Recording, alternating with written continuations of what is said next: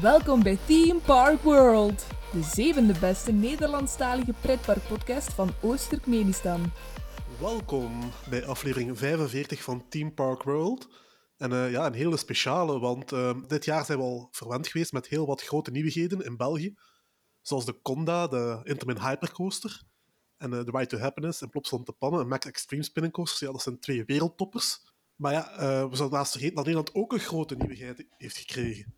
En hier bij ons, om daar alles over te vertellen, is Wim. Dag Wim. Goeiedag. Ja, Wim, je hebt het, het nieuwe nest uitgetest van de Efteling. soort van, ja.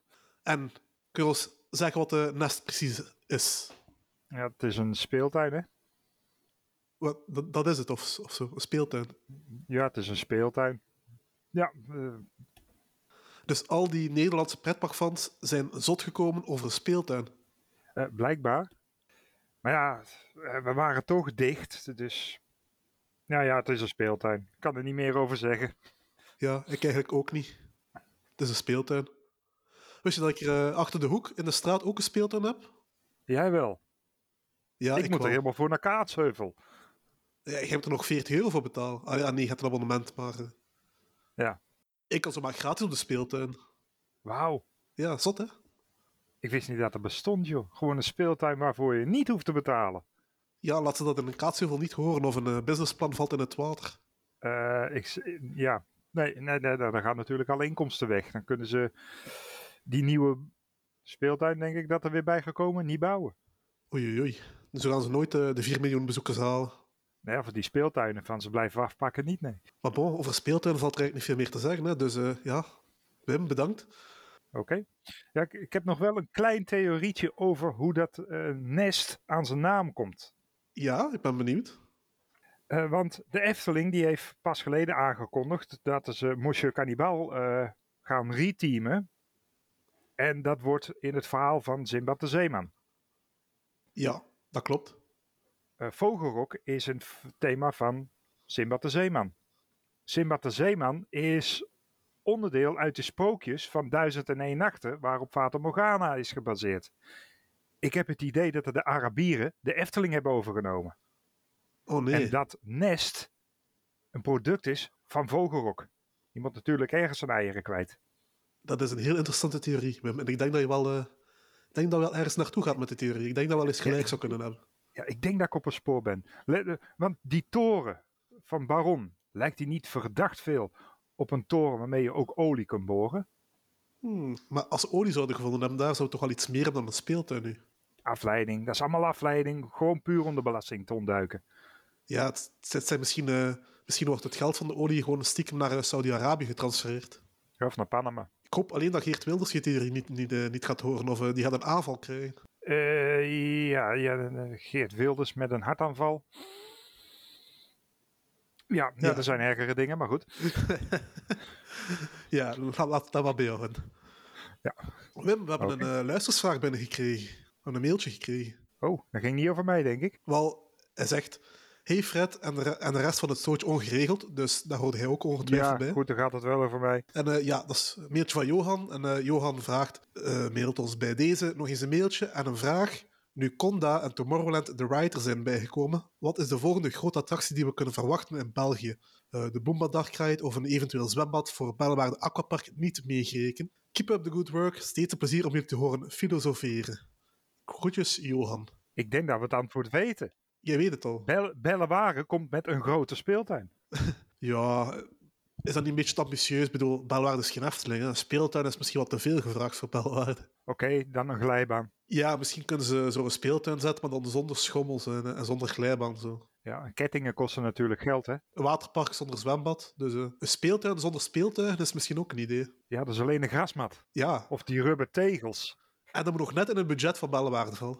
Dan wordt het alleen een grasmat, want weet je wat de rubber tegels kosten? Dat is ook waar. Dat is ook waar. Nu, Plopstad die Boomba indoorzone al, uh, al aangekondigd, uh, maar uh, ik zou ook niet echt weten wat, wat ze daar nog van plannen zijn in, in, de nabije toekomst. Het is een beetje moeilijk kijken met corona en, en dergelijke, want ja, dat heeft alle plannen natuurlijk ja, on hold gezet. Uh, ja, de parken hebben er behoorlijk onder geleden. Dus om nu echt een zinnige uh, voorspelling te doen, wordt moeilijk. Ja. Er zijn geen grote aankondigingen geweest, zover ik weet. Dus ik, ik zou nergens mijn geld op durven in te zetten van die gaat met iets groots komen of die gaat met iets groots komen. Conda, The Right to Happiness zijn er gekomen omdat die al, ja, Ja, die stonden al gepland eigenlijk. die, zaten al, die waren al te ver om nog te kunnen annuleren. Maar ik kan me voorstellen dat eh, alle plannen die eh, nog annuleerbaar zijn, dat ze die eh, geannuleerd hebben ook. Ja, en wat ze eventueel al van plan waren, dat ze die op de lange baan hebben geschoven. Dus dat we de komende drie, vier jaar eigenlijk niks zien. Daar ben ik bang voor. Ja, en, en zeker Walby heeft nog, heeft die overstroming meegemaakt, wat natuurlijk ook eh, ja, financieel geen goed zal gedaan hebben. Ja, daar heeft ze het gewoon dubbel teruggezet. Eerst corona eroverheen en dan nog eens een keertje eh, gedwongen gesloten door het water. Ze hebben het geluk dat ze tot Compagnie des Al behoren, een, een stevige pretparkgroep. Maar ik denk ook niet dat we daar, allee, dat, dat we daar veel van moeten verwachten de komende jaren. Eh, kleine dingen misschien, maar ik denk dat we grote investeringen toch niet moeten verwachten de komende jaren. Nee, ik ben er bang voor. Maar dat geldt denk ik voor een heel groot gedeelte van het pretparklandschap. Ja, dat zal niet alleen in België zijn, dat zal ook in Nederland, Duitsland en Frankrijk zijn. De hele ja, toeristische industrie zal het wel, zal het wel voelen. Dus een behoorlijke dreun uitgedeeld natuurlijk. Afwachten, maar eh, het kan nooit geen kwaad om eens te, ja, te fantaseren op, eh, over de toekomst eh, van, eh, van onze parken. Ik hoop dat er wat moois uitkomt. Laten we dat hopen. Ja. Als jij ook een mailtje wilt sturen, dan kan dat naar info.teamparkworld.be. Kan ook gewoon onze website bezoeken, www.teamparkworld.be of .nl, voor eh, al onze podcasts te beluisteren, fotogalerijen te bekijken en interessante artikels te lezen. En eh, je kan ons ook via een eh, heel makkelijk formulier een e-mailtje sturen. Dat kan ook. Je kan ons ook volgen op sociale media, zoals Facebook, Twitter en Instagram. En omdat deze aflevering anders wel iets te kort wordt, ja, geniet nog van een streepje copyright-vrije muziek.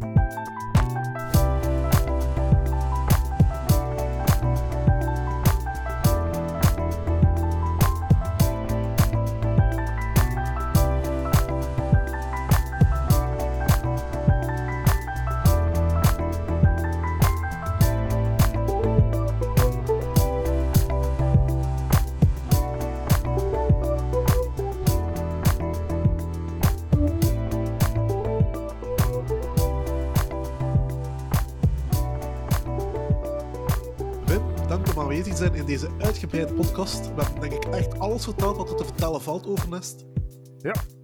Echt. Ja. Ja, ja. Denk je niet dat je in de problemen gekomen met zo'n korte aflevering? Of in een nesten gaat eh, belanden?